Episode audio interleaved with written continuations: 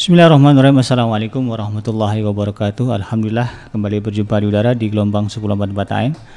Dream Radio Successful Muslim Family dan seperti biasa kita akan bersama menghadiri kajian uh, rutin kita yaitu uh, program di dalam program rutin yaitu ngaji from home di mana kita akan menyimak uh, ulasan uraian uh, terkait dengan uh, tema tentang uh, apa yang dimaksud akidah Ahlussunnah wal Jamaah oleh guru kita Al-Ustaz Abdullah Haidar LC dan alhamdulillah beliau sudah hadir di tengah-tengah kita. Baik sahabat hadirin sekalian dirahmati Allah Subhanahu wa taala. Kita akan menyimak uraian dari guru kita terkait dengan tema kita pada hari ini yaitu apa yang dimaksud dengan akidah Ahlussunnah wal Jamaah. Setelah Anda menyimak beberapa pesan-pesan eh, berikut ini. Assalamualaikum warahmatullahi wabarakatuh. بسم الله الرحمن الرحيم الحمد لله رب العالمين والصلاة والسلام على سيدنا محمد وعلى آله وأصحابه ومن تبعهم بإحسان إلى يوم الدين أما بعد اللهم علمنا ما ينفعنا وانفعنا بما علمتنا اللهم زدنا علما نافعا وعملا متقبلا Sahabat Adrim di mana saja berada, semoga kita selalu mendapatkan barokah, ridho dan karunia Allah Subhanahu wa taala dan diselamatkan serta dijauhkan dari segala musibah bencana dari penyakit dan dari uh, wabah yang sedang melanda. uh, sahabat Adrim yang dimuliakan Allah Subhanahu wa taala, uh, sebelumnya kita sudah membahas tentang pemahaman al-aqidah al-islamiyah ya. Uh, kini kita akan membahas masalah yang uh, paralel dengan masalah ini ya. Sering disebut-sebut di tengah masyarakat akidah ahlu sunnah wal jamaah begitu ya dan kadang ya, juga sering menjadi perdebatan tersendiri.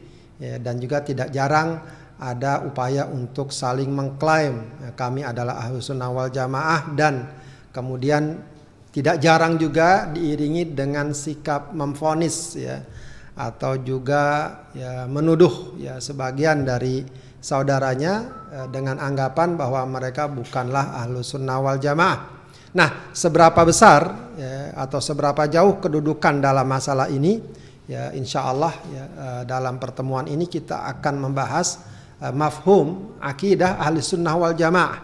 Ya, pemahaman akidah ahli sunnah wal jamaah. Ya, maksudnya di sini adalah apa yang dimaksud dengan ahlu sunnah wal jamaah. Ya, apa yang dimaksud dengan akidah ahlu sunnah wal wal jamaah begitu ya. Sehingga kita dapat memahaminya dengan tepat ya dengan proporsional ya tidak melampaui batas dan juga tidak ya, sembrono ya.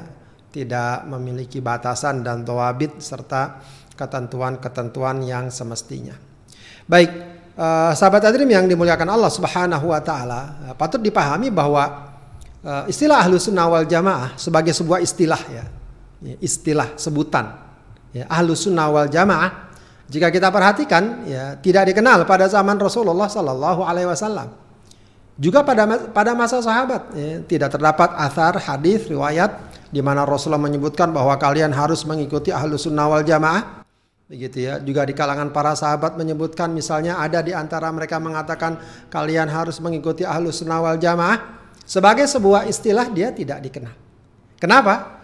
Karena memang pada masa Rasulullah Sallallahu Alaihi Wasallam, pada masa sahabat secara umum, ya kaum muslimin ya masih satu, mereka tidak berpecah belah. Ya, kalaupun ada eh, sedikit penyimpangan ya, di tengah masyarakat, ya, itu sesuatu yang sangat tidak uh, diakui ya, dan sangat tidak diperhitungkan. Ya. Artinya apa? Kaum muslimin masih ya, uh, utuh, ya, masih uh, bersatu ya, sehingga tidak ada istilah uh, sebagian ke sana sebagian ke sini uh, dari segi prinsip-prinsip atau dasar-dasar pemahamannya begitu ya. Nah, hanya saja memang seiring dengan perkembangan waktu ya, juga seiring dengan perluasan uh, kaum muslimin ya penyebaran kaum muslimin ke berbagai daerah, ke berbagai negeri ya sudah mulai ada uh, beragam ya pemahaman, keyakinan, pemikiran-pemikiran yang masuk kemudian sampai ke tengah masyarakat kaum muslimin, ya mulailah terjadi uh, adanya pemahaman-pemahaman, uh, keyakinan-keyakinan yang menyimpang. dan kemudian uh, diikuti oleh para pengikut oleh para pengikutnya ya sehingga uh, apa namanya terjadi semacam penyimpangan ya pemahaman dan keyakinan-keyakinan dari pemahaman dasar dan keyakinan dasar yang sudah dikenal sejak zaman Rasulullah Sallallahu Alaihi Wasallam. Dan ini juga uh, tak lepas ya dari uh, apa namanya uh, prediksi atau nubuah ya. Uh, berita yang Rasulullah sampaikan dalam salah satu hadis yang cukup dikenal dalam hadis riwayat Tirmidzi dan lainnya Rasulullah mengatakan wa taftariku ummati ala thalathin wa sab'ina millah kulluhum finnar illa millatan wahidah. Ya. Umatku akan berpecah belah menjadi 73 golongan semuanya di neraka kecuali satu golongan. Ya, ditanya oleh para sahabat, "Man hiya ya Rasulullah? Siapakah itu ya Rasulullah yang selamat?" Qala ma ana alaihi wa ashabi. Yang selamat adalah orang yang mengikutiku, siapa yang mengikutiku dan para sahabatku. Ini ada juga hadis riwayat Ahmad Ibnu Majah dan lainnya. Ya, wa inna ummati sataftariku ala thnataini wa sab'ina firqah. Umatku akan berpecah belah menjadi 72 golongan. 72 kelompok. Kulluha finnar illa wahidah. Semuanya di neraka kecuali satu wahia al jamaah. Yang satu itu adalah al al jamaah. Jadi uh, itu di antara khabar berita yang Rasulullah sampaikan yang tentu saja eh, beliau sampaikan berdasarkan berdasarkan wahyu ya, dan memang faktanya demikian ya. Eh, dalam sejarah Islam ya, dalam sejarah perkembangan umat Islam memang didapati ya, adanya penyimpangan-penyimpangan keyakinan prinsip ya, dari pemahaman dan juga pengamalan ya, dalam ajaran terhadap ajaran Islam. Begitu ya. Ini yang kemudian pada awalnya para ulama menyebutkan istilah bid'ah untuk perkara ini. Ya, itu yang dahulu pernah kita sampaikan dan kita bicarakan bahwa bid'ah yang paling harus kita jauhi adalah bid'ah yang berkait dengan masalah-masalah prinsip, masalah-masalah akidah dan keyakinan. Ya.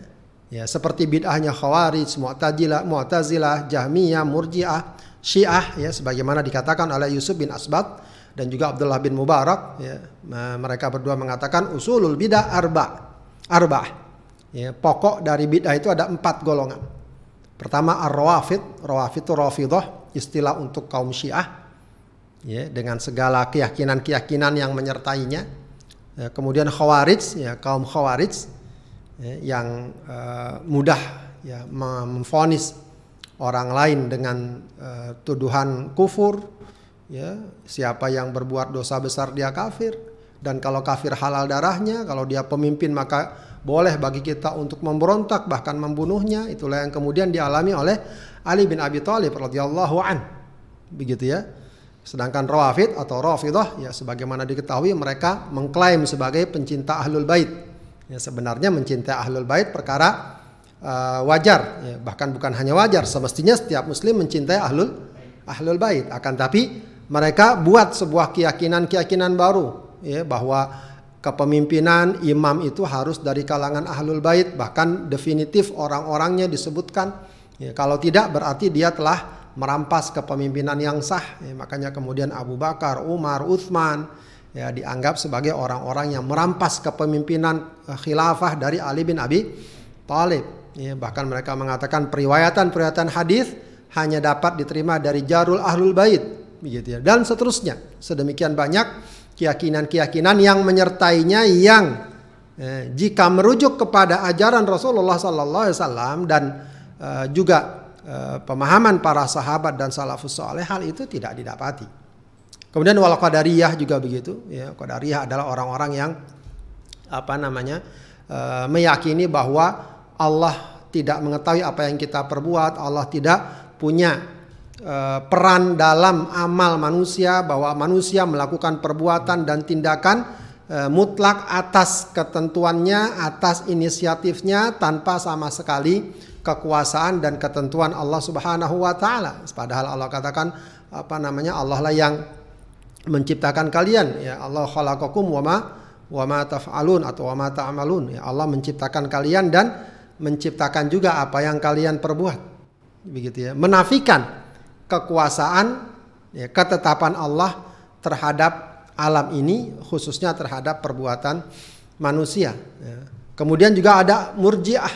Ya. Murjiah adalah orang-orang yang mengatakan bahwa e, tidak bermasalah. Ya.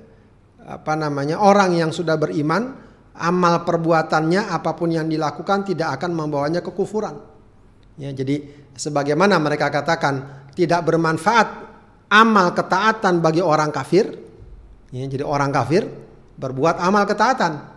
Ya, sholat, puasa itu nggak bermanfaat. Ya, tidak tidak bermanfaat. Nah, paham mereka adalah orang beriman ya, tidak berbahaya apa pun perbuatan yang mereka lakukan walaupun perbuatan kufur begitu ya. Kalau orang kafir ketaatannya nggak bermanfaat karena kekufurannya, orang beriman ya tidak berbahaya kekufurannya atau perbuatan kekufurannya dengan keimanannya. Begitu. Artinya nggak ada perkara-perkara yang dapat menggugurkan keimanan seseorang, seseorang walau dia berbuat apa berbuat apa. Ya ini uh, murjiah sehingga orang merasa tenang saja apa pun yang dia lakukan. Ya, padahal uh, kita tahu ada amalan-amalan yang bisa jadi membuat seseorang uh, menjadi batal keimanannya ya apalagi kalau sudah terkait dengan masalah masalah akidah. Nah, ini berkembang ya di tengah masyarakat. Ya, sedikit sedikit sedikit ya ada pengikutnya dan seterusnya. Karena itu para ulama ya melihat perkembangan ini wah ini ada penyimpangan. Ya, ada uh, keyakinan yang menyimpang, ada prinsip beragama yang menyim, menyimpang. Ya. Eh, menyimpangnya dari dua sisi. Ya, ada yang menyimpangnya dari cara mereka mengambil rujukan beragama. Ya, nanti akan kita dapati bahwa rujukan beragama ya jelas Al-Quran dan hadis serta ijma. Ya. ya. Ada yang kemudian lebih memilih akal. Nah ini nanti juga ada uh, kelompok yang terkenal yaitu Mu'tazilah ya di mana mereka mendahulukan akal ketimbang nas-nas yang telah ada. Begitu ya. Jadi ada yang merujuk kepada oh akal, ada yang merujuk kepada misalnya eh, perkara-perkara kebatinan, ya terawangankah atau mimpikah atau ya bahasa sekarang seperti wangsit dan lain sebagainya. Oh, mereka misalnya mengatakan kami dapat wangsit untuk melakukan ini, lalu dijadikan itu sebagai ajaran. Nah dalam Islam hal itu tidak berlaku. Ya, karena apa? Karena ajaran Islam sudah Allah tetapkan berdasarkan Al-Quran dan dan hadis. Itu dari satu sisi, dari uh, sumber pengambilannya. Dari sisi yang lain adalah dari bagaimana memahaminya. Mungkin hadisnya benar, ayatnya benar. Tapi bagaimana seseorang memahaminya, di sini juga kadang terjadi sumber penyimpang, penyimpangan. Ya, ayatnya benar, dibaca ayatnya. Ya, sebagaimana orang-orang khawarij, ya ketika mereka uh, ingin memberontak atau melawan keputusan Ali bin Abi Thalib radhiyallahu an yang berdamai dengan Muawiyah saat terjadi uh, perselisihan di antara mereka, orang Khawarij nggak nerima. Ya, mereka baca ayat ini hukmu illa lillah. Ya, hukum itu ditetapkan tak lain oleh Allah Subhanahu wa taala bukan oleh kesepakatan mereka. Ya. Ya. Lalu mereka buat kesimpulan kalau gitu Ali bin Abi Thalib juga uh, kufur, ya, batal keimanannya, maka halal darahnya dibunuhlah dia. Begitu ya. Jadi ayatnya ada. Benar ya. Tapi pemahamannya tidak demikian. Ya para sahabat yang ketika itu masih hidup sekalipun tidak melihat demikian. Mereka melihat justru perdamaian kesepakatan Ali bin Abi Thalib dengan Muawiyah sebagai sesuatu yang sangat bagus karena menghentikan pertumpahan darah di kalangan kaum muslim kaum muslimin. Ya bahkan diriwayatkan bagaimana Ibnu Abbas radhiyallahu an itu mengajak orang-orang Khawarij dialog ya itu sampai sekian sebagian dari kaum Khawarij kembali ya setelah diajak disampaikan ya dalil-dalil dan argumen-argumennya. Tapi memang sebagian lagi tetap uh, kepala kepala batu keras kepala untuk tetap dengan kebatilannya.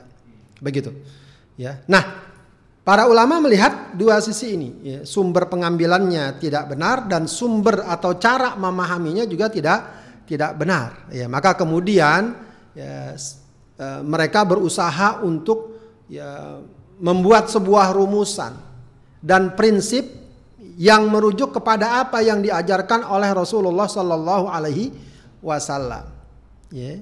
Dan nanti diharapkan prinsip tersebut menjadi rujukan bagi setiap muslimin di setiap tempat, di setiap waktu untuk menghadapi, ya, menyikapi sikap-sikap menyimpang tadi. Ya. Mereka pun jadi jadi selektif ya menerima peringatan-peringatan dari mana sumbernya. Ya. Nah, dari sinilah kemudian lambat laun ya eh, prinsip-prinsip yang dirumuskan dan ditegaskan oleh para ulama itu kemudian lebih dikenal dengan istilah ahlu sunnah wal wal jamaah. Jadi untuk menegaskan, untuk membedakan dari prinsip-prinsip yang kadung sudah ada dan terjadi penyimpang penyimpangan, begitu ya, terjadi penyimpangan. Uh, istilah ahlu sunnah ya, sempat atau uh, apa namanya uh, muncul atau pertama kali ditangkap ya atau di, di uh, diketahui ya itu dari sebuah ungkapan ya yang diungkapkan oleh Ibnu Sirin ya, salah seorang ulama dari kalangan tabi'in ya dia mengatakan lam yakunu yas'aluna anil isnad. Awalnya sih para ulama ketika menerima sebuah riwayat mereka menerima saja. Tapi ketika terjadi fitnah, simpang siur, ya berbagai macam pandangan, bahkan sampai pada tingkat uh, apa namanya permusuhan dan seterusnya, ya, barulah kemudian para ulama memperhatikan masalah isnad. Isnad ini artinya apa? Jalur periwayatan. Ente dapat dari mana ini berita? Oh, saya dari si fulan. Si fulan dari siapa? Sampai Rasulullah. Rasulullah begitu. Awalnya uh, itu tidak menjadi uh, prioritas. Ya tapi ketika terjadi banyak fitnah, kata Ibnu Sirin, ya eh, apa namanya? mulai ya, falamma waqa'atil fitnah qalu sammulana rijalakum. Ya, ketika terjadi fitnah maka uh, para ulama apabila mendapatkan riwayat sebutkan orang-orang yang kalian dapat ini riwayatnya. Ya, dari mana kamu? Dari mana? Dari mana? Dari mana? Maka disebutkan fayandur lalu diperhatikan ila ahli sunnah. Kalau perhatian dari ahli sunnah ya, fayu khodu hadithuhum. Maka hadisnya pembicaranya diam, diambil, diterima. Wayandur ila ahli bidah. Ya, dan lalu diperhatikan. Wah ini ternyata ada nih si fulan si fulan terkenal dia. Dia pemikirannya menyimpang.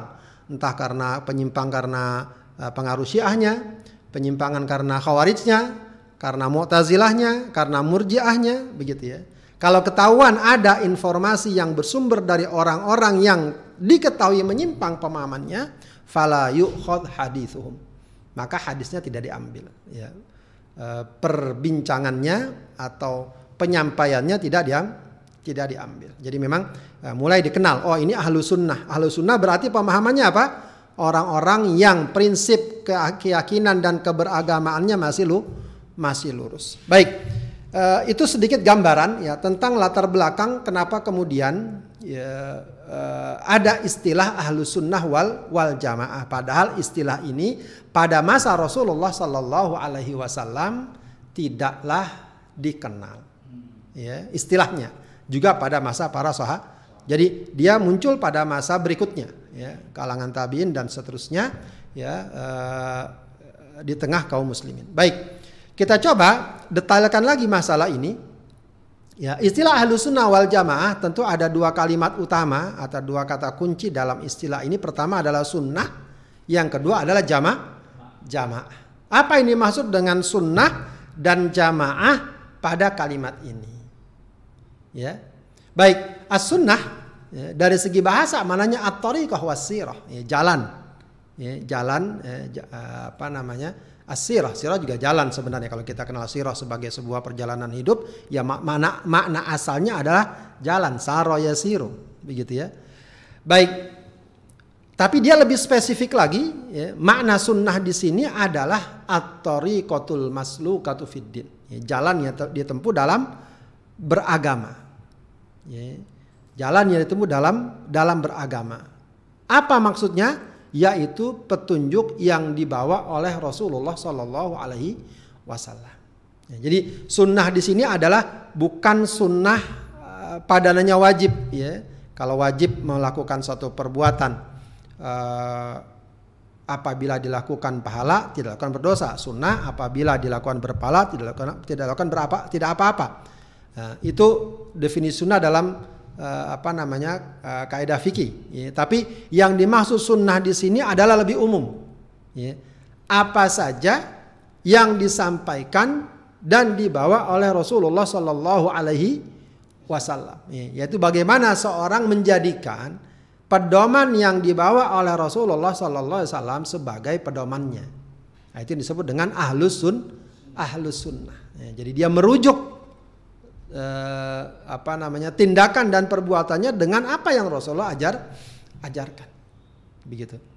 Sedangkan al jamaah, ya, al jamaah dari segi makna adalah ya jamaah, ya sudah menjadi bahasa Indonesia juga, ya eh, bersama Siapa yang dimaksud jamaah di sini? Jamaah adalah kaum salaf dari kalangan sahabat, tabiin, tabiin, tabiin, dan kemudian para ulama yang mengikuti mereka yang sepakat, ya, yang sepakat mengikuti petunjuk Rasulullah Sallallahu Alaihi Wasallam. Begitu ya, itu jamaah.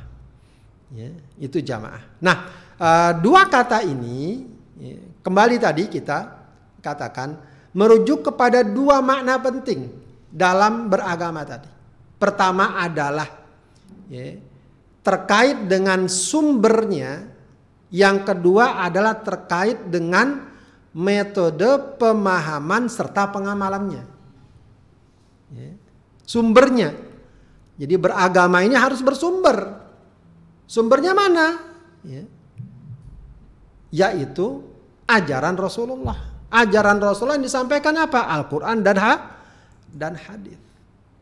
Ya, jadi ini terkait dengan sumbernya. Ini yang harus menjadi patokan utama. Yang kedua al-jamaah ya, mengajarkan kita pada bagaimana sumber-sumber tersebut kita pahami dan kita amalkan. Ya, kita amalkan. Jadi tidak tidak serta merta oh saya prinsipnya Al-Quran dan hadis. Baik, itu bagus. Ya. Tapi Bagaimana Al-Quran dan hadis itu dipahami dan diamalkan itu juga butuh bantu, butuh panduan. Tidak setiap orang, ya, walau dengan atas nama Al-Quran dan hadis, kemudian oh paham pemahaman saya begini. Padahal pemahaman itu tidak dikenal di kalangan salafus soleh.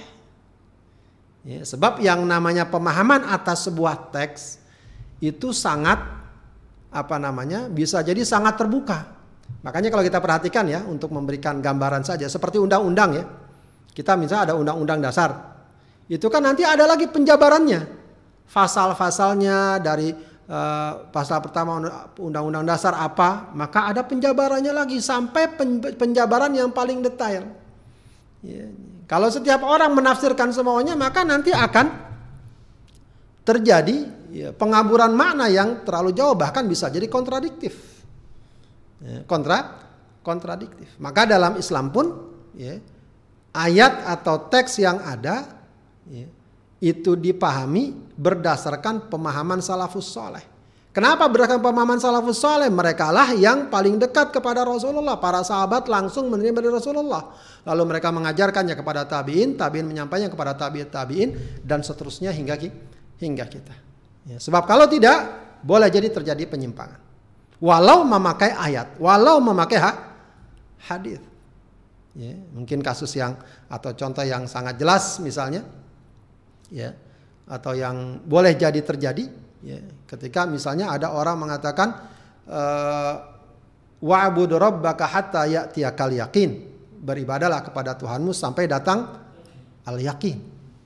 Nah, ini kalau seandainya dipahami begitu saja bisa jadi dipahami. Oh, kalau begitu beribadah sampai yakin. Kalau yakin berarti nggak perlu ibadah kan bisa saja. Begitu.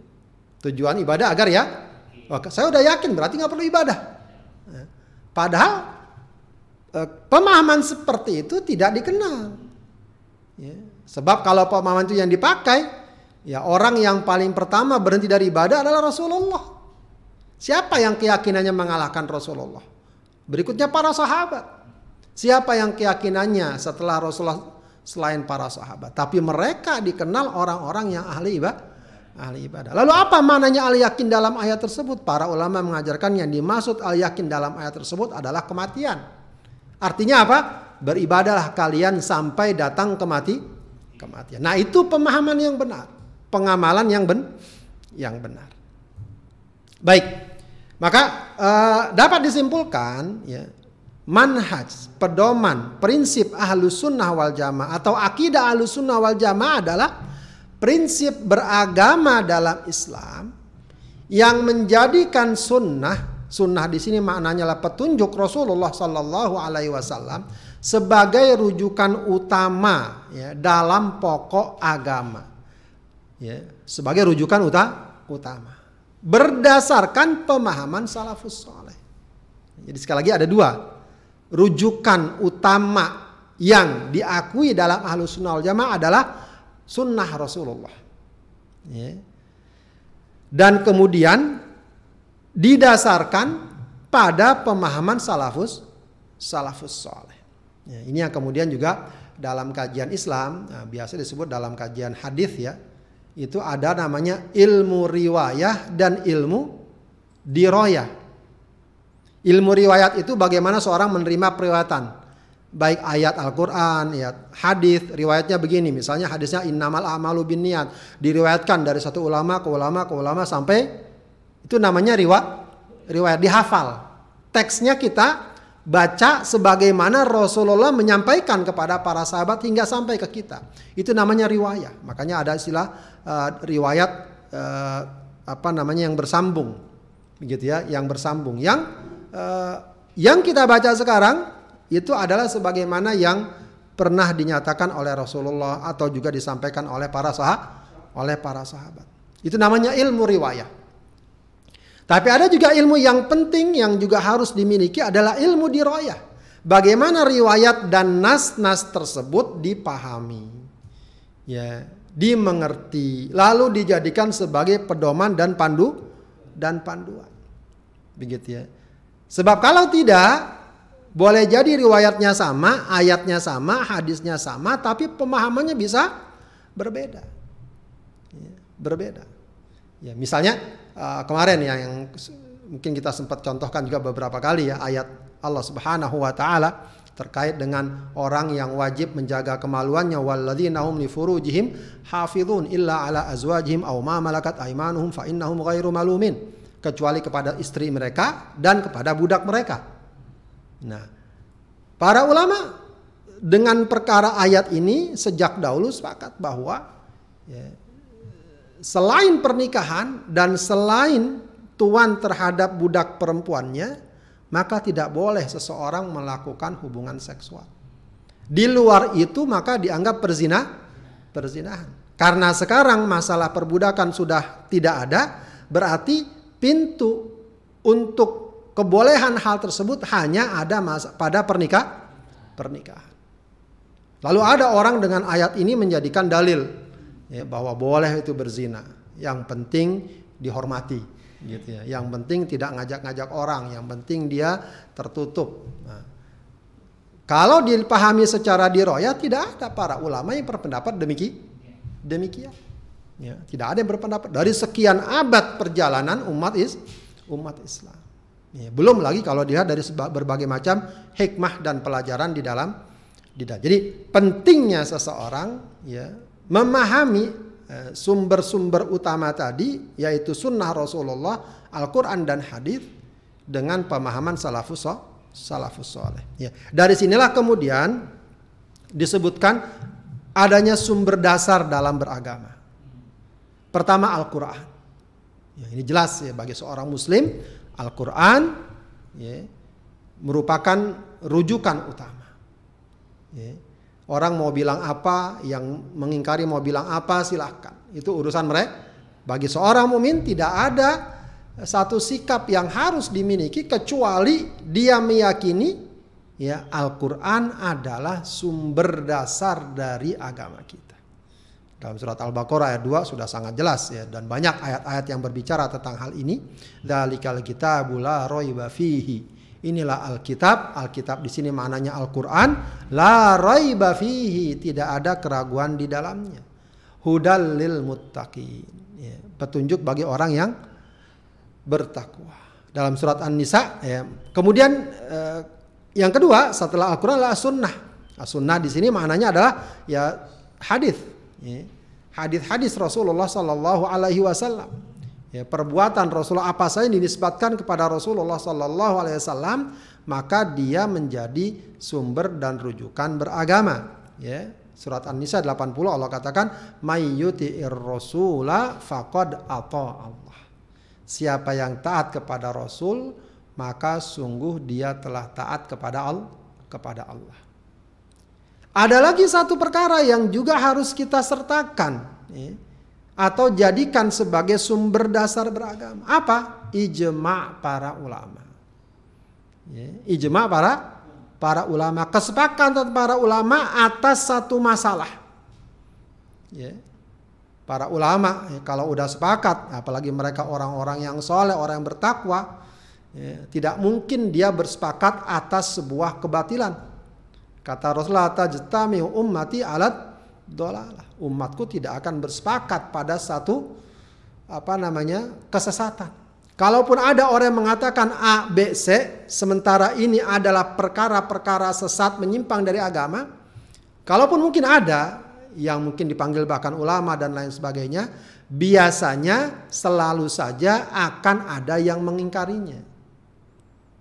Tapi kalau mereka sepakat berarti ini perkara yang memang benar dalam agama. Ya, tentu saja tidak mungkin mereka sepakat atas sebuah kebatilan, atas sebuah kemungkaran. Pasti akan ada yang menentangnya. Nggak usah sebuah kemungkaran besar ya. Perkara-perkara yang sedikit saja menyimpang sudah akan mendapatkan reaksi. Ya, mendapatkan reak, reaksi. Ya, apalagi perkara-perkara besar. Ya, makanya kemudian Allah katakan dalam surat An-Nisa 115, "Wa may yushaqiqir rasula." Siapa yang menyelisih Rasul? Mimba di mata tabayyana lahul huda setelah jelas baginya petunjuk. Wayat tabi ghaira sabilil mu'minin. Lalu dia mengikuti selain jalan orang-orang beriman. Ya, wayat tabi ghaira sabilil mu'minin. Ini kemudian dipahami uh, tentang uh, keharusan uh, kita menjadikan ijma' para ulama sebagai pedoman. Maka kata Allah nuwallihi ma tawalla akan kami palingkan dia sesuai dengan berpalingnya wa nuslihi jahannam dan kami masukkan ke dalam jahannam wa saat masira. Dan itu adalah seburuk-buruk tempat kembali. Jadi ayat ini memberikan isyarat setelah kita mengikuti Al-Quran dan Sunnah maka hendaknya kita mengikuti kesepakatan para ulama, para salafus para salafus soleh. Ini juga yang kemudian pemahaman adanya ijma ulama ya menuntun kita dan menuntut kita untuk ya memahami Al-Quran dan Sunnah berdasarkan pemahaman pengamalan salafus salafus soleh. Nah kemudian yang jadi pertanyaan siapa salafus soleh itu? Dari segi bahasa as-salaf artinya yang telah lalu, yang terdahulu. Lawannya al-khalaf. Ya, kalau dibilang ini generasi salaf, generasi pertama pertama. Kalau ada generasi khalaf, generasi belakangan. Kalau dibilang ulama salaf, ulama generasi pertama. Ya, dan itu sudah disyaratkan dalam Al-Quran. Surat At-Taubah ayat 100. Allah katakan wasabiqunal awwalun minal muhajirin wal ansor dan generasi pertama sekali dari kalangan muhajirin dan ansor. Walladzina taba'uhum bi ihsanin dan orang-orang yang mengikuti mereka dengan baik. Radhiyallahu anhum wa radu'an. Allah ridho pada mereka, mereka ridho kepada Allah. Wa a'adda lahum jannatin tajri tahtal anhar. Dan akan Allah persiapkan bagi mereka jannat kebun-kebun yang mengalir di bawahnya sungai-sungai khalidina fiha abada kekal di dalamnya. Dzalikal fauzul azim. Itulah kemenangan yang besar. Ya dalam hadis muttafaq alaih Rasulullah mengatakan khairun nas qarni sebaik-baik manusia adalah korni, korni generasiku. Ya, generasiku berarti Rasul dan para sah, para sahabat. Thummal yalunahum. Kemudian sesudahnya, sesudah para sah, para sahabat. Tabi'in. Thummal yalunahum. Kemudian sesudahnya lagi. Siapa? Tabi tabi'in. Inilah yang kemudian disebut para ulama sebagai tiga generasi pertama atau tiga abad pertama yang disebut dengan tiga abad keemasan dalam Islam. Ya, tiga abad keemasan dalam Islam. Yang itu kemudian dikatakan sebagai salafus soleh. Sebagai salafus soleh. Kita bagaimana? Kita diperintahkan untuk mengikuti pemahaman salafus so, salafus soleh. Kenapa demikian? Karena pada masa ketiga generasi ini nilai utama dalam Islam atau bahasa sekarang mainstream, pemahaman dan pengamalan yang dominan dalam Islam adalah pemahaman dan pengamalan yang benar. Meskipun sudah ada penyimpangan di sana sini ada. Ya, bahkan kalau kita perhatikan Syiah misalnya benih-benihnya sudah ada sejak zaman Utsman, ada yang mengatakan sejak zaman Ali, Khawarij juga sudah sudah ada, sudah muncul. Begitu ya. Akan tetapi itu semua tidak diperhitungkan. Kenapa? Karena yang mainstream, pemahaman utama itu masih ben masih benar. Ya, masih ben masih benar. Ya, karenanya mereka secara umum dikatakan sebagai generasi yang terbaik. Ya, itu yang kemudian disebut dengan salafus soleh. Maka pemahaman Islam sekarang yang kita pahami kalau kita belajar tentang wudhu, tentang sholat, tentang zakat, tentang akidah itu ya kalau memang mau dirinci dan diteliti biasanya nanti para ulama akan merujuk oh ini rujukannya ini, hadisnya ini, pemahaman salafus solehnya ini dan seterusnya begitu ya. Kalau mau dirujuk cuma saja tentu uh, tidak semua orang mampu untuk sampai pada taraf demikian.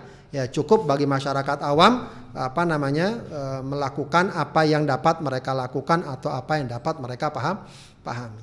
Ya, kalau seandainya tidak ada rujukannya sampai salafus soleh, terutama perkara-perkara dasar, ya, biasanya akan cepat terdeteksi. Oh ini nggak benar. Masa ada pemahaman begini? Nggak ada pemahaman kayak gini dalam pemahaman salaf. Ya, kalau ada misalnya mengatakan yang benar tuh Ali bin Abi Thalib sebagai khalifah pertama. Ya, tinggal dirujuk aja para salafus soleh ada yang berpendapat demikian? Ya, tidak ada. Kecuali mereka sudah menyimpang dengan pemahaman syi dengan pemahaman syiah. Ya.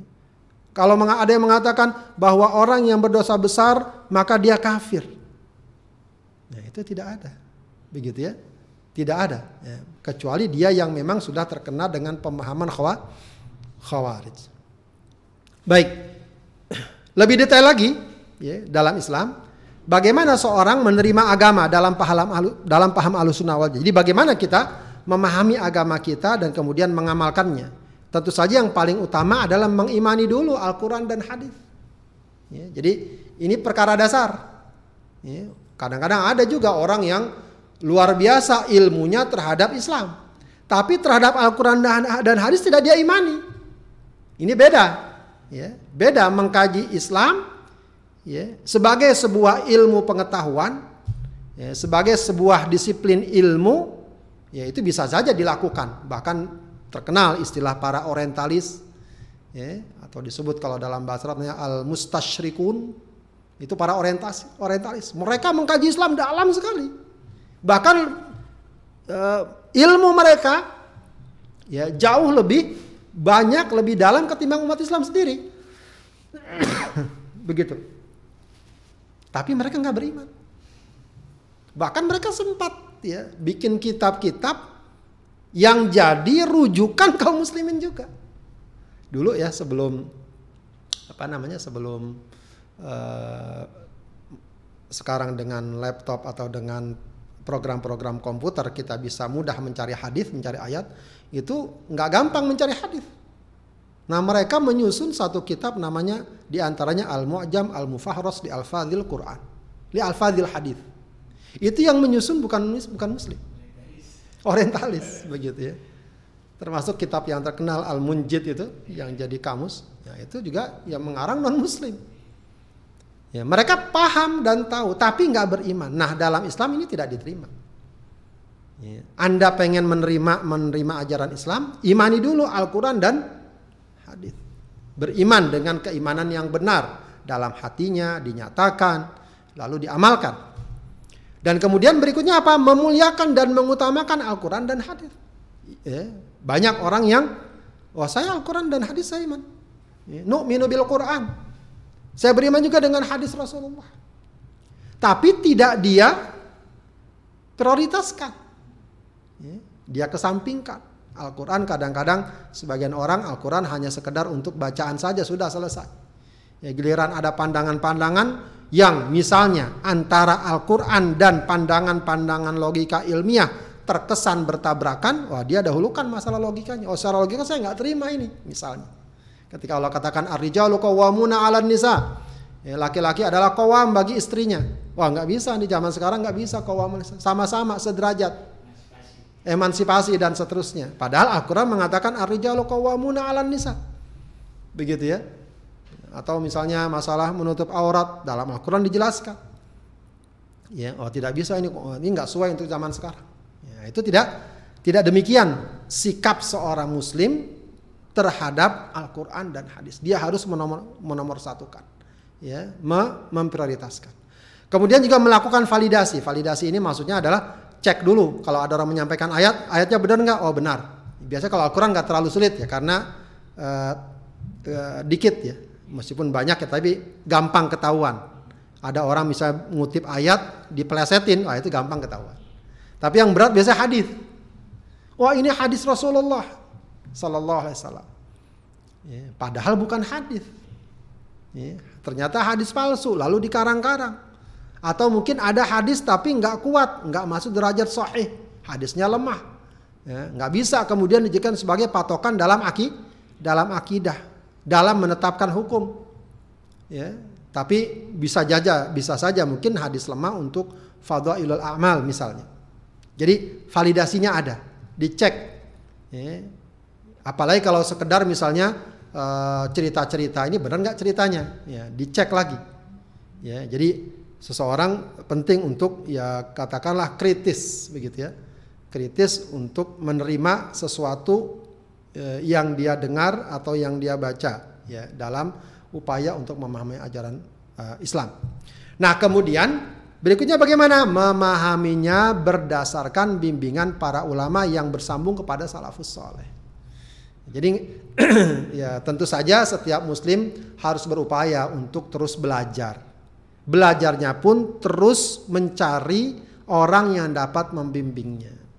Jadi nggak sekedar dia baca, oh saya baca aja sendiri deh Al-Quran dan hadis. Oh ternyata begini, ternyata nggak nggak semudah itu. Ya, ayat atau hadis tidak semudah itu. Kalau dia hanya sendiri saja bisa-bisa dia jadi pusing sendiri. Ya, jadi pusing sendiri. Jadi pusing sendiri. Wah ternyata kok bertabrakan, kok kontradiktif. Ya. Kalau sudah dijelaskan para ulama biasanya tidak akan bertabrak, tidak akan bertabrakan. Ya. Tidak mudah kena syubhat. Ya. Ya, seperti ayat tadi, ya, ayat dalam surat Al-Baqarah itu, "Dzalikal kitabul la raiba Itulah Alkitab yang tidak ada keraguan di dalamnya. Orang Indonesia yang namanya Alkitab pemahamannya apa? Injil. Ya, tapi kalau dia berdengan bimbingan para ulama akan didapati bahwa nama lain dari Al-Quran adalah Al Alkitab. Loh kok pakai kata-kata zalika? Kenapa nggak bilang ini?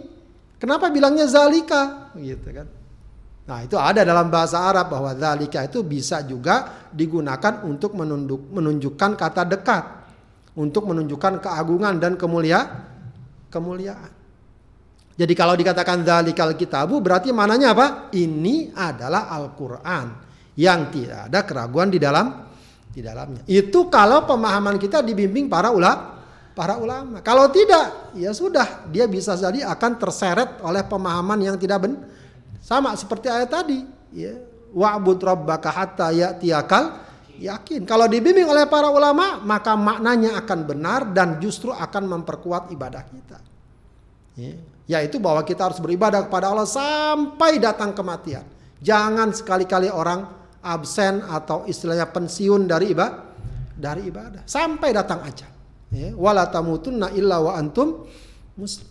Ya, jadi pas akan klop ayat-ayat dan hadis-hadis itu tidak bertabrak, tidak bertabrakan dan tidak mudah terkena syubhat. Ya, maka penting memahami ajaran Islam itu dengan bimbingan-bimbingan para ulama. Ya tentu pada masa sekarang ini eh, bisa jadi berbagai macam informasi sangat sangat banyak berseliweran ya.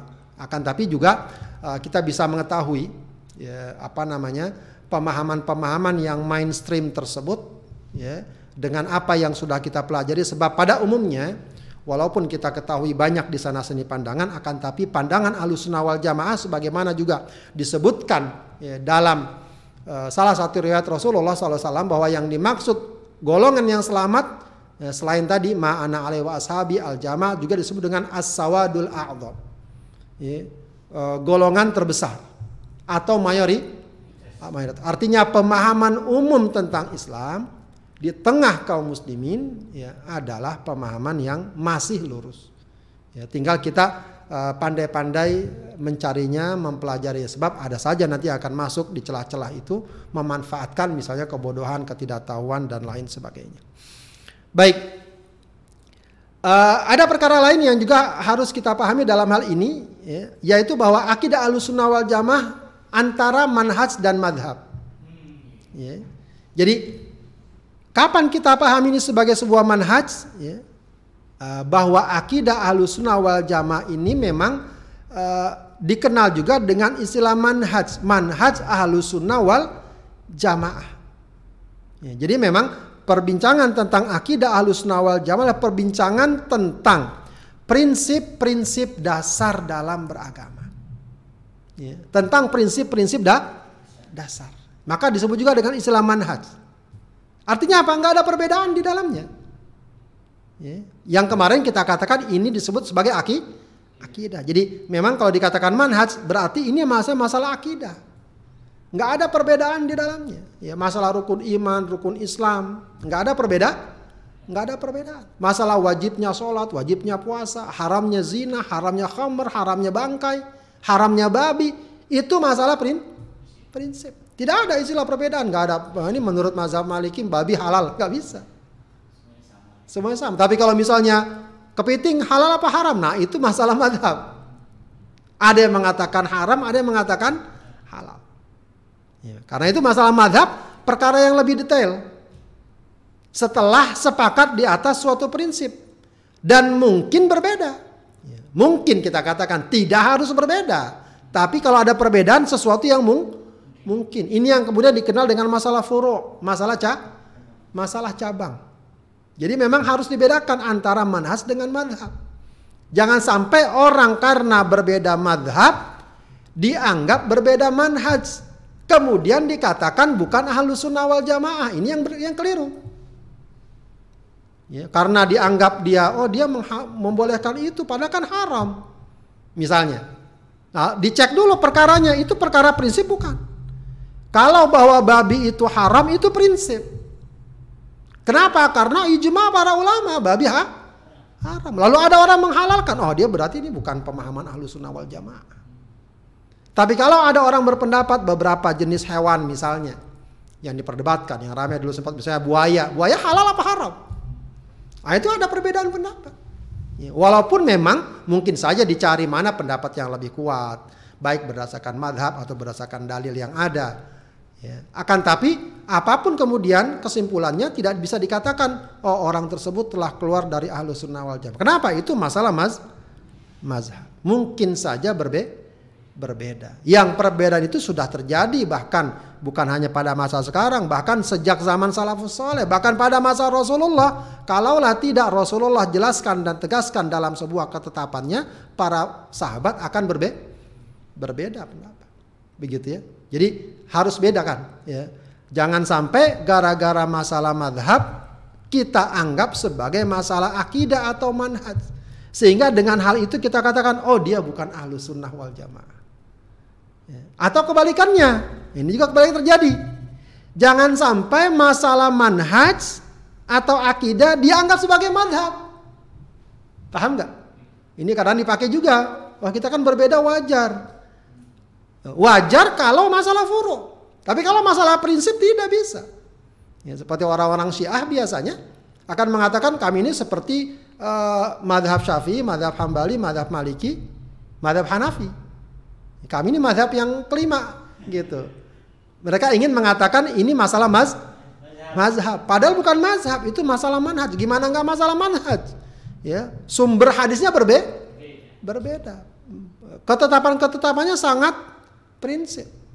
Ya, kita menghormati Abu Bakar, mereka malah mencerca Abu Bakar. Ya. Kita mengatakan Abu Bakar khalifah pertama, mereka mengatakan tidak sah. Itu perkara da, per, perkara dasar. Maka nggak bisa kita katakan ini perbedaan mazhab. Oh ini manhaj nggak bisa kita terima. Begitu ya. Atau misalnya orang mengatakan eh, semua agama sama, Islam salah satu yang boleh dipilih. Ah itu masalah manhaj, masalah aki, akidah. Nggak bisa kita katakan, oh kita berbeda pendapat soal ini, ini masalah mazhab apa tidak. Ini masalah aki, akidah. Atau juga orang-orang Ahmadiyah, mereka mengatakan Nabi setelah Rasulullah ada Nabi lagi. Nah, bagi kita ini akidah, lah Nabi ya ba'di. Tidak ada Nabi setelah Rasulullah. Rasulullah itu masalah akidah. Maka di sini disebutkan beberapa contoh antara manhaj dan madhab. Ini contoh saja ya. Misalnya Allah memiliki sifat yang mulia dan berbeda dari makhluk itu manhaj. Maka kalau ada orang mengatakan Allah nggak punya sifat, wah ini masalah akidah. Atau kebalikannya Allah punya sifat tapi sama dengan makhluk, ini masalah akidah. Nggak boleh ada orang meyakini Allah sama dengan makhluk. Begitu ya. Atau dengan Islam misalnya Allah mujassima, Allah punya jisim yang sama dengan makhluk. Ya. Rasul Nabi terakhir itu akidah menghormati dan memuliakan ahlul bait akidah. Ya, dan semua sahabat Nabi itu akidah. Lalu kalau ada orang misalnya menghina ahlul bait kita nggak terima, nggak boleh. Ya, walaupun mungkin ada perlakuan misal orang Syiah, tapi nggak boleh kita menghina ahlul, ahlul bait. Sebagaimana nggak boleh kita menghina sahabat. Ada orang menghina sahabat, wah itu akidah. Begitu ya. Sebab Rasulullah sudah jelaskan para sahabat radhiyallahu anhum waraduan dalam Al-Qur'an. Rasulullah bilang la tasubbu ashabi, jangan celak para sahabatku. Kewajiban sholat, zakat, puasa dan haji itu akidah. Haramnya zina, khamar, babi, bangkai itu aki akidah. Nah, madhab apa misalnya yang sering banyak dipakai? Isbal, isbal itu apa? Menjulurkan celana sampai mata kaki. Itu akidah bukan? Apakah itu haram mutlak atau ada perkara lain? Nah itu bukan akidah. Memang silakan saja dibicarakan dalilnya mana yang lebih kuat, apakah haram atau sekedar makruh atau boleh saja. Itu ada pandangan masing-masing. Ya. Kalaupun orang enggak bagi saya ini haram ya silahkan saja. Itu pendak pendapat. Ya. Tapi jangan kemudian mengatakan oh dia tuh bukan alusunal jamaah. Kenapa? Ya, masa dia bilang isbal boleh atau enggak haram atau enggak haram kalau enggak sombong. Ya, padahal kaul para ulama sangat banyak dalam hal tersebut. Hal tersebut. Musik misalnya yang ramai, musik haram atau halal? Walaupun memang banyak memang para ulama yang mengharamkan, tapi juga ada para ulama yang membolehkan dengan batasan-batasan tertentu. Ya, maka kalau ada kemudian ada orang mengatakan musik itu halal sepanjang tidak digunakan untuk maksiat dan yang lainnya, ya, kalaupun orang tidak berpendapat dengan pendapat dia, tidak lantas kita katakan dia bukan ahlu sunnah wal jamaah. Kenapa? Ini masalah masalah pandangan dalam masalah furu. Atau sifat, sifat Allah. Ya ini yang ramai biasanya. sifat Allah khususnya sifat-sifat fi'liyah atau sifat-sifat zatiyah ya. ya apakah yadullah, wajh, al-wajah, begitu ya, istiwa gitu ya. Itu apakah boleh ditakwil apakah tidak? Ya, faktanya faktanya para ulama memang berbeda pendapat atau pemahamannya ada yang mentakwil, ada yang di, ada yang tidak. Kita boleh saja mengatakan oh yang benar itu yang nggak ditakwil, yang benar yang ditakwil. Lalu akhirnya ya tadi itu sering yang terjadi. Dia bukan alusunah wal jamaah, dia bukan alusunah wal jamaah. Jadi kelompok ini bukan alusunah wal jamaah berdasarkan ini, kelompok ini bukan alusunah wal jamaah berdasarkan ini, sama-sama bukan alusunah nantinya. Begitu ya. ya. Kesimpulannya adalah Ya, ini masalah madhab memang kemudian maka dikenal madhab misalnya yang ramai ya madhab Ash'ari, madhab Athari, ya. Al-Imam As-Safari ini terkenal sebuah ungkapan bahwa Ahlussunnah Jamaah itu dalam bab ini ada tiga. Ada Al-Ma'turidiyah, ada Al-Ash'ariyah, ada Al-Athariyah. Begitu. Athariyah yang sekarang dikenal dengan Ahlul Hadis atau Salafi dan lain sebagainya. Nah, itu sebenarnya bagian dari uh, madhab yang yang tapi secara keseluruhan mereka adalah ahlu sunnah wal, wal jamaah. Ya. Maka kalau kita ibaratkan ya sunnah wal jamaah ini ibarat rumah besar, lapang, tapi ada pagarnya. Paham nggak? Rumah itu kan ada kamar-kamarnya juga. Jadi orang kalau ada di kamar, dibilang di dalam rumah nggak? Dalam rumah. Nggak dibilang di luar rumah. Memang kamarnya berbeda. Berbeda. Tapi mereka nanti ada ruang tamu. Mereka bisa berkum, Walaupun berbeda, tapi ada titik-titik pemahaman di mana mereka bisa berkum, berkum rukun imannya sama. rukun Islamnya sama. Al-Quran hadisnya sama. Bahkan kitab-kitab ulama rujukannya sama.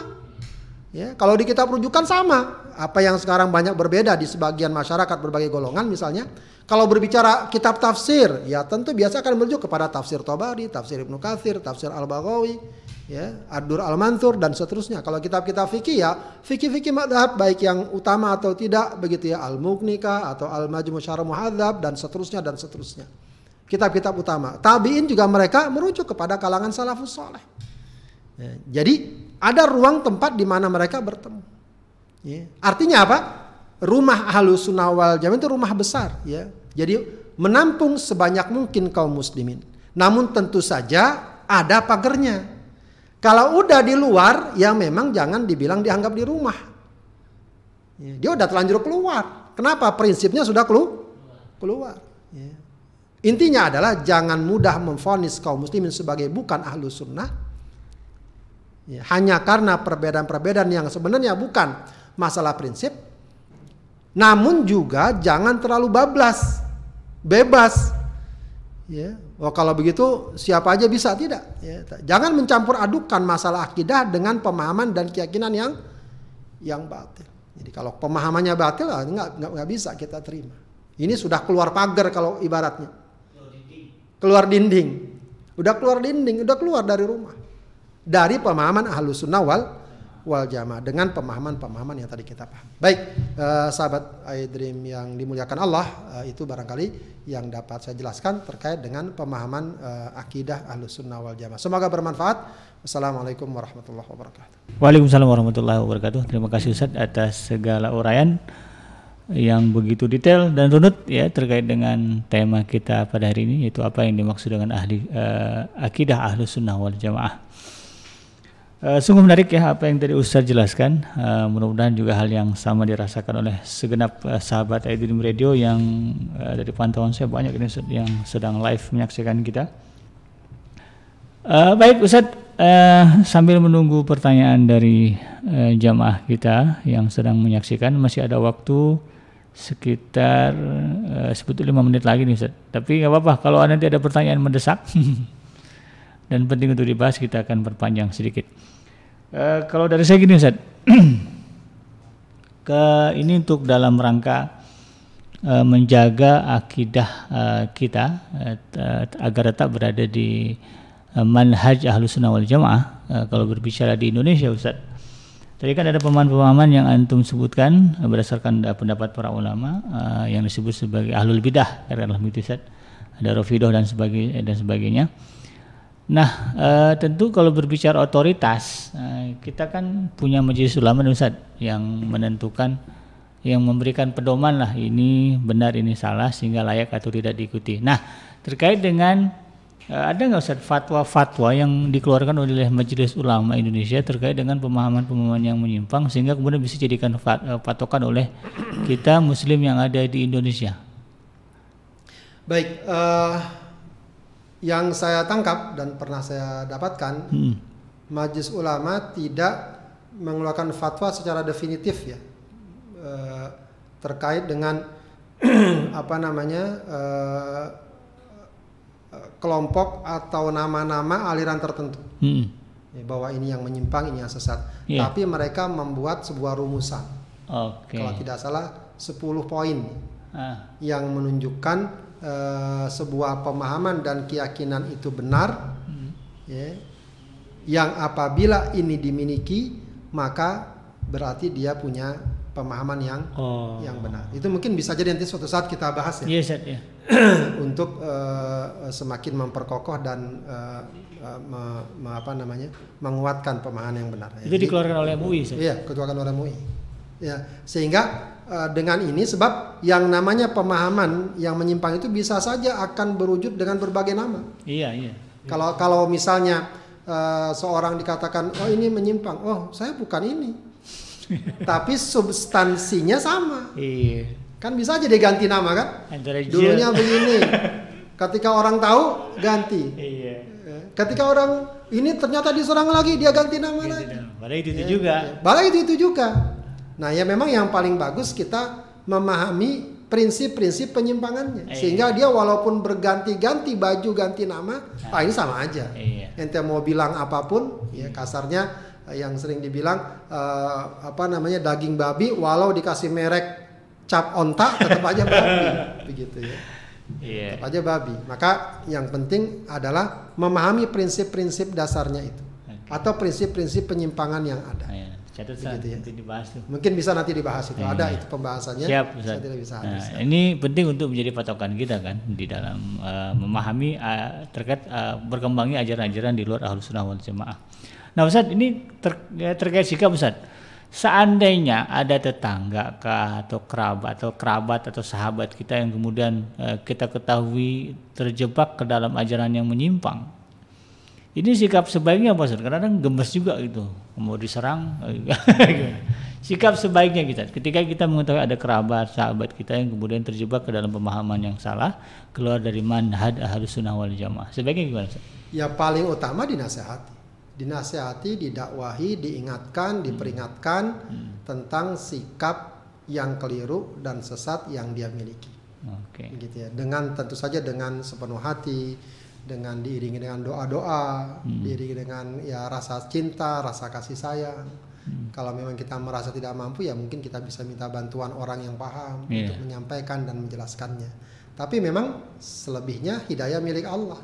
Hmm. Ya, hidayah milik Milik Allah. Bisa jadi memang ada yang alhamdulillah dia sadar, dia bertobat, ada yang tidak. Iya. Ya, jangankan kita sekelas Ibnu Abbas ketika menasehati orang-orang Oh, iya. Khawarij, ada yang ada yang taubat, ada yang tetap Iya. begitu ya. Ya itu masing-masing kembali juga ya, kembali kepada kitanya juga, kepada orang yang mendapatkan nasihat dan seterusnya. Dan yang paling penting minimal sekali ya kita lindungi diri kita dan juga orang terdekat kita, keluarga kita, anak-anak kita dari pengaruh kebatilan dan kesesatan yang yang ada. Kalau memang itu kita anggap eh, jelas dia merupakan kebatilan dan kesesatan.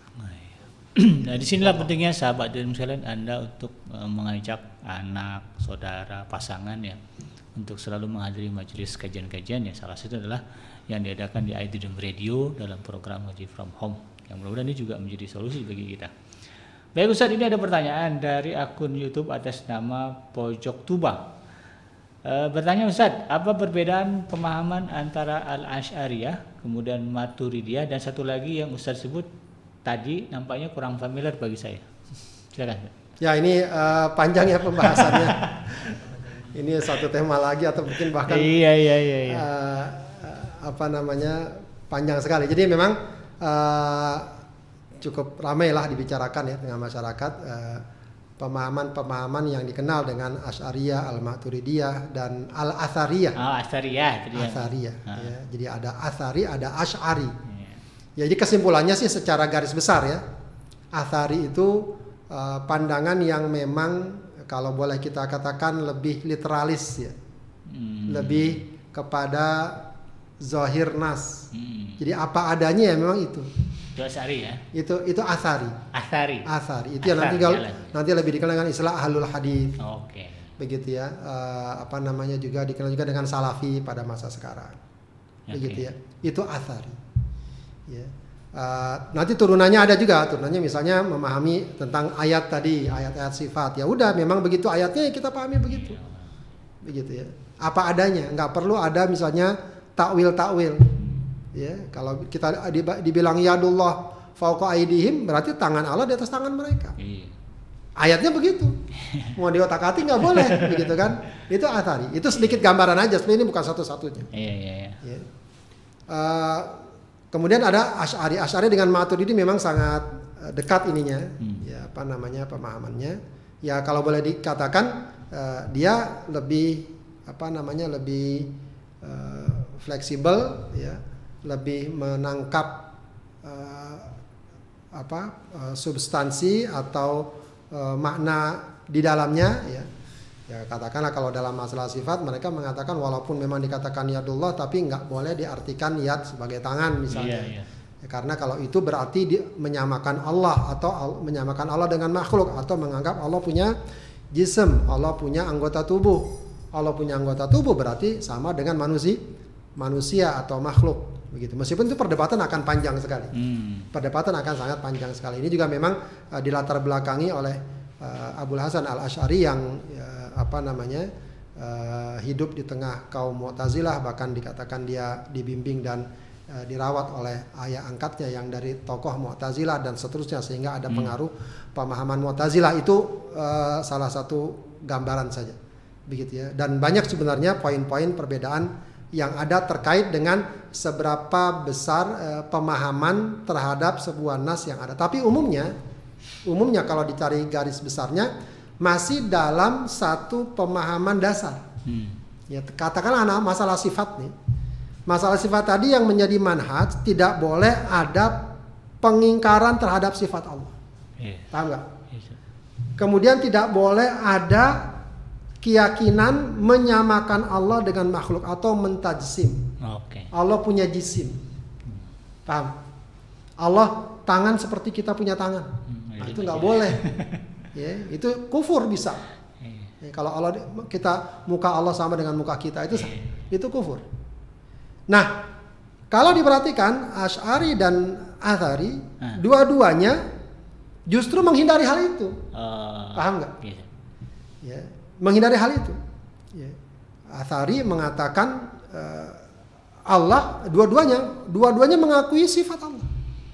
Baik Athari atau Ash'ari, ya, sama-sama mengakui sifat Sifat Allah. sifat Allah. Mereka tidak menafikan, tidak sebagaimana halnya Mu'tazilah, tidak sebagaimana halnya Jahmiyah. Hmm. Ya, Mu'tazilah tidak percaya pada sifat Allah. Hmm. Ya. Tapi juga kedua-duanya menolak adanya tajsim. Bahwa Allah punya jisim. Allah jisimnya sama dengan makhluk. Bedanya apa? Yang satu mentakwil, yang satu tidak, gitu aja. Hmm. Jadi Athari m- tidak mentakwil, tapi mereka yakin bahwa tangan Allah pasti berbeda dengan tangan mak Makhluk. Beda. Bagaimana bedanya? Wallahu alam. Yang penting Allah be beda. Kalau Asy'ari tidak, ya, nggak boleh dikatakan tangan. Sebab mau dikatakan berbeda atau sama, tetap orang orientasinya tak. Makanya diartikan dengan kekuasaan, dengan kemampuan, dengan eh, apa kudroh dan semacamnya. Inti intinya di situ, begitu ya. Tapi memang sekali lagi bukan cuma itu poinnya, ada beberapa poin yang lain. Akan tapi perkara-perkara seperti ini, ya, hendak juga kita lihat secara apa namanya faktual, ya, atau kalau boleh kita katakan secara empiris saja. Hmm. Ya, kalau dikatakan misalnya Ash'ari bukan ahlu sunnah wal jamaah, banyak ulama mu'tabar yang mereka dikenal sebagai kalangan al-Ash'ari. Iya. Ya, seperti Ibnu Hajar al Asqalani, Al Imam An Nawawi dan lain sebagainya. Hmm. Al Imam Asyuyuti. Ya, kita secara kalau umum ya, orang awam saja, orang sekali berimam Nawawi dan Ibnu Hajar al Asqalani, ya, nggak mungkin kemudian dia mengambil satu pandangan yang pandangan tersebut ya, katakan eh, sesat. Hmm. Ya, sementara mereka begitu dekat dengan Al-Quran, dengan hadis dan seterus dan seterusnya. Begitu. Al Athari juga ada para ulama rujukannya ya jelas para ulama di antara yang sangat mereka ini kan adalah Al Imam Ahmad bin Hambal misalnya. Itu secara empiris ya itu menunjukkan bahwa perkara ini adalah perkara yang memang eh, boleh kita katakan sebagai bagian dari keragaman madhab yang sebenarnya juga eh, terbatas pada beberapa poin tertentu. Selebihnya keyakinan-keyakinan umumnya sah, sama. Wallahu a'lam. Nah, baik, Ustaz. Jadi ini juga eh, sebetulnya penting untuk kita pahami. Tapi sebetulnya orang awam malah tambah bingung, Ustaz. Ya, kalau itu diangkat memang malah bingung. Iya, iya. Sebaiknya memang perkara-perkara tersebut bukan untuk konsumsi Iya, eh, umum. ini- Ya, dia pendalaman-pendalaman saja. Hmm. Ya, seseorang hendaknya disampaikan saja perkara-perkara dasar dalam aga Agama. dalam agama, bukan digiring masyarakat untuk ente asari apa asyari. itu lebih berat. Jangan-jangan yang ngomong pun saya juga bisa jadi nggak paham dalam, Malah bingung. malah tambah bingung. Wallahu a'lam. Iya. Apakah perlu ini disertifikasi para dai? Wallahu a'lam. Iya, karena kan itu tadi oh, oh, ya kita kan harus tahu juga guru kita ini pemahamannya benar atau tidak. Lalu Iya. kemudian ada wacana sertifikasi dari Kementerian Agama ini gimana Ustaz? Pada pada umumnya ya, eh, sebenarnya kalau kita perhatikan dari sekian lama perjalanan dakwah Hmm. ya, ya dalam tanda kutip ya tanpa sertifikasi hmm. pemahaman-pemahaman menyimpang Terjaga, itu ya. akan mudah terdeteksi iya. dan resistensi masyarakat akan aktif hmm. Begitu ya akan ak aktif akan aktif iya, iya. Insya Allah eh, meskipun memang tentu saja butuh otoritas untuk eh, mengatasi itu mestinya iya, iya. ya cuma memang yang jadi masalah adalah kalau perkara ini nanti terlalu ya dalam tanda kutip ya terlalu dieksploitir hmm. akibatnya uh, digunakan untuk kepentingan-kepentingan nah, tertentu iya. begitu ya karena ada afiliasi pemahaman kepentingan yeah. politik nah ini yang agak agak lawan yang sebenarnya sebenarnya benar orangnya cuma karena ah ini eh, dengan alasan dia tidak punya uh, sertifikat atau apa yeah, yeah. dan seterusnya maka yeah. dianggap tidak layak ya padahal sesungguhnya yang disampaikan adalah prinsip yang benar. Iya. Itu yang sangat dikhawatirkan dari upaya-upaya seperti itu. Oke. Uh, ya kita tawakal sama Allah ya. Mudah-mudahan semakin lurus semakin baik. Baik Ustaz. uh, ini yang menyimak banyak Ustaz dari Riyadh juga ada nih. Ada akun atas nama Niko Jatmika, ya ada akun atas nama siapa lagi nih? Rahadian Ahmad ya. Ustaz. Uh, nyimak dari Riyadh kitanya. Masya Allah. baik. Uh, baik sahabat dari muslim yang dirahmati Allah Subhanahu wa taala, uh, waktu sudah menunjukkan pukul 17 lewat 19 menit waktu Indonesia bagian barat. Uh, di mana memang uh, kita harus mengakhiri sesi kajian ini. Namun sebelum kita tutup, kita dengarkan dulu closing statement dari guru kita terkait dengan tema yang dibahas pada hari ini yaitu apa yang dimaksud dengan akidah Ahlus Sunnah wal Jamaah. Silakan Ustaz. Baik, sahabat terim yang dimuliakan Allah Subhanahu wa taala, ini memang uh, perkara dasar ya. Uh, akan tapi uh, perkara ini juga kajian ini bukan bukan uh, kita tujukan untuk memfonis siapa dan siapa tidak akan tapi uh, bagaimana kita punya sikap yang jelas dan proporsional ya tidak uh, terlalu memudahkan ya, tapi juga tidak terlalu uh, apa namanya mempersempit masalah dan sungguhnya pemahaman ahlus sunnah wal jam itulah pemahaman yang luas yang menampung uh, kaum muslimin sebanyak mungkin sepanjang tidak ada penyimpangan-penyimpangan dasar dari segi pemahaman dan pengamalannya. Insya Allah seiring dengan uh, kemauan dan kesungguhan kita mempelajari ajaran Allah, ya, itu biasanya akan terbentuk pemahaman tersebut dengan sendirinya. Ya. Itu saja barangkali. Wallahu a'lam bishawab. Baik sahabat Adrim yang dirahmati Allah Subhanahu wa taala di mana pun Anda berada tuntas sudah kebersamaan kita dalam program Ngaji From Home ya, bersama guru kita Al Ustaz Abdullah Hidar LC. Insyaallah kita akan bertemu kembali dengan uh, bahasan-bahasan yang berbeda tentunya. Mudah-mudahan uh, bermanfaat dan semoga kita bisa mengaplikasikan atau mengamalkan apa yang sudah kita dapatkan dari uraian yang sudah diberikan oleh guru kita. Saya BKJ beserta kru yang bertugas pamit undur dari ruang dengar Anda. Mohon maaf atas segala kekurangan dan kekhilafan. Uh, Subhanaka Allahumma rabbana wa bihamdika asyhadu an la ilaha illa anta astaghfiruka wa atubu ilaik. Wassalamualaikum warahmatullahi wabarakatuh.